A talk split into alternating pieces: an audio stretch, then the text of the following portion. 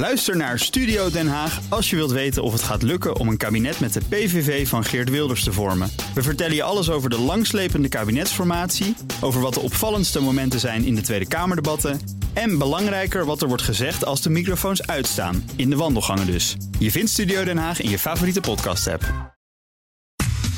Wetenschap vandaag. Een familieboom, maar dan voor alle bloeiende plantensoorten die er maar zijn.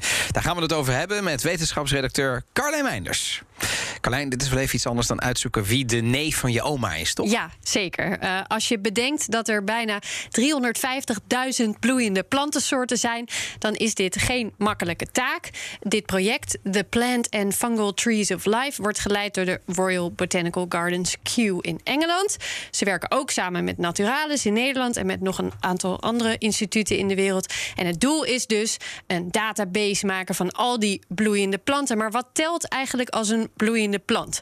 Onderzoeker William Baker vertelt meer. So we focused on the flowering plants because they're a really really important group. I mean they are among the most fundamental engineers of ecosystems on the planet. They build uh, all our vegetations. They produce oxygen that we breathe. They um, ameliorate the climate, and they feed us. You know, the vast majority of calories that we consume come from come from flowering plants. Er zijn ook andere planten, mossen bijvoorbeeld, die geen bloemen of fruit produceren. Maar juist in die planten met bloemen zijn ze dus geïnteresseerd, omdat die zo belangrijk zijn voor de mens. Maar waarom willen ze dan die hele Tree of Life in kaart brengen?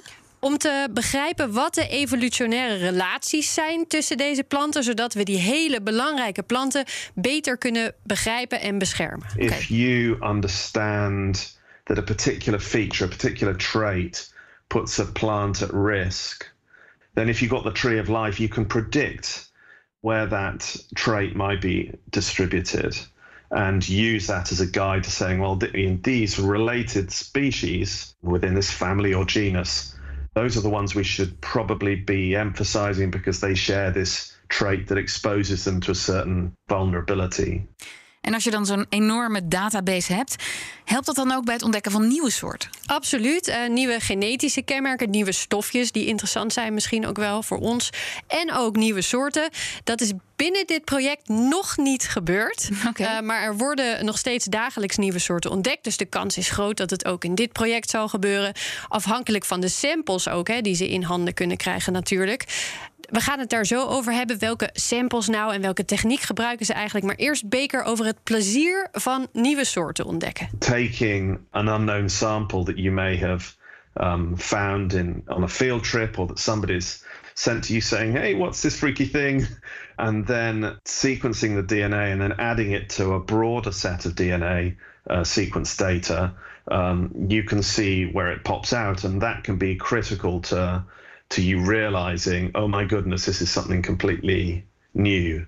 And this is one of the things that I love about it. And it gives you a kind of some of the purest forms of science joy. Ja, daar kan ik me heel goed iets bij voorstellen. En je hoorde hem al even zeggen: DNA-sequencing. En dat is ook wat in dit enorme project is gedaan. Maar dat uitpluizen van DNA, dat sequencing, dat kan al wel langer, toch? Dat is niet nieuw. Nee, nee, maar technisch gezien zijn er hele grote ontwikkelingen geweest, ook in de afgelopen paar jaar.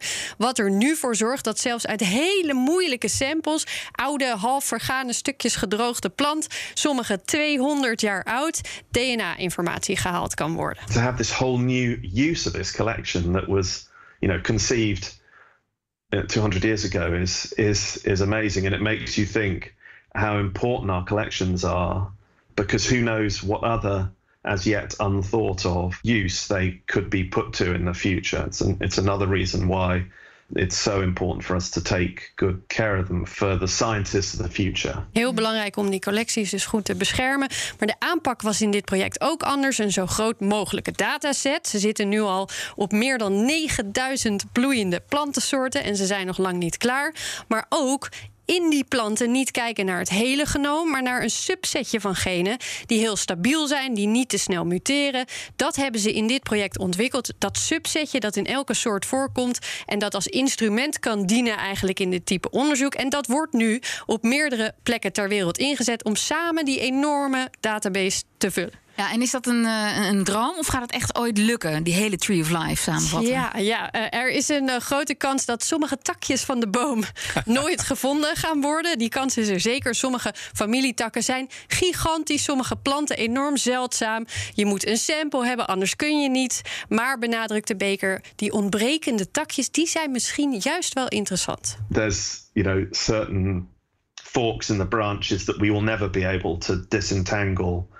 Maybe because the evolutionary processes that were happening there were so rapid that they didn't leave enough of a signal in the DNA sequences. In some ways, the parts of the tree that we are able to show as unknowable are almost the most exciting parts because that's where the biology is. That's where the big questions could lie. Ja, dit project heeft honderden mensen uit 21 verschillende landen en 100 instituten bij elkaar gebracht om die allergrootste dataset ooit te maken van bloeiende planten. Ze zijn er nog niet, maar ze zijn wel een heel eind. Ik zou wel eens een uh, botanische tuin willen met al die Tree of Life. Je bedoelt met 300. Met 7000 species. ja, ja. Het is moeilijk, hè? Lijkt me. Haal ze dan nog maar eens uit elkaar. Kun je dat een beetje? Uh, daar heb je apps voor, toch? okay. Dankjewel, Carlijn. Ook Thomas van Zeil vind je in de BNR-app. Je kunt live naar mij luisteren in Zaken doen. De BNR-app met breaking news, het laatste zakelijke nieuws... en je vindt er alle BNR-podcasts, bijvoorbeeld Het Nieuwe Geld. Download nu de gratis BNR-app en blijf scherp.